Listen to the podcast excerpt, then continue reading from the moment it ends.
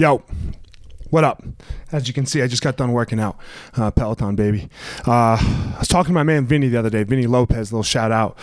Uh, Vinny's the man. If you haven't listened to our podcast episode, go check it out um, on the Gospel Fire. Uh, great story. Anyway, we were talking, you know, and he he's doing these little. He's putting them on his Instagram TV, and we uh, these little, you know, how he's doing, what he's doing you know, some thoughts. Uh, he's not doing them every day. And we were talking about like, yeah, you know, it's hard. It's hard sometimes. You don't want to just be like, oh yeah, we can do it. You know, like all positive, you know, like cheerleader. And I was like, you know what, you're right. We don't. And, and I don't think that I do that all the time. But look, I want to make sure that I'm not doing it right now.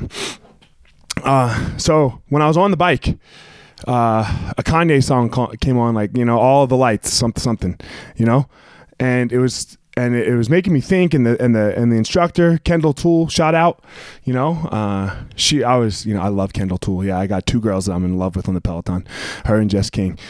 Um, so anyway uh, she was like yeah the lights are gonna come back on someday and and you're fucking right they are right? Like okay so what? Our lights are off right now. We we have to like sit in our room and we're in the dark a little bit right? Like this this is this is a dark time. Well what the fuck are you doing with your dark time like, are, you sitting just waiting for the lights to come back on, and that's when you're going to work again, and that's when you're going to chase, and that's when you're going to get after it, and that's when, and that's when, when all that, or are are you going to come back with something new the second the lights are back on? Are, are you going to be better? Are you improving yourself right now during this time when it's so easy to have a woe is me party? Oh, you got homeschool your kids? Fuck you. You're the one who chose to have kids. Yeah, uh huh. That's right. You heard me. You're the one who chose to have kids.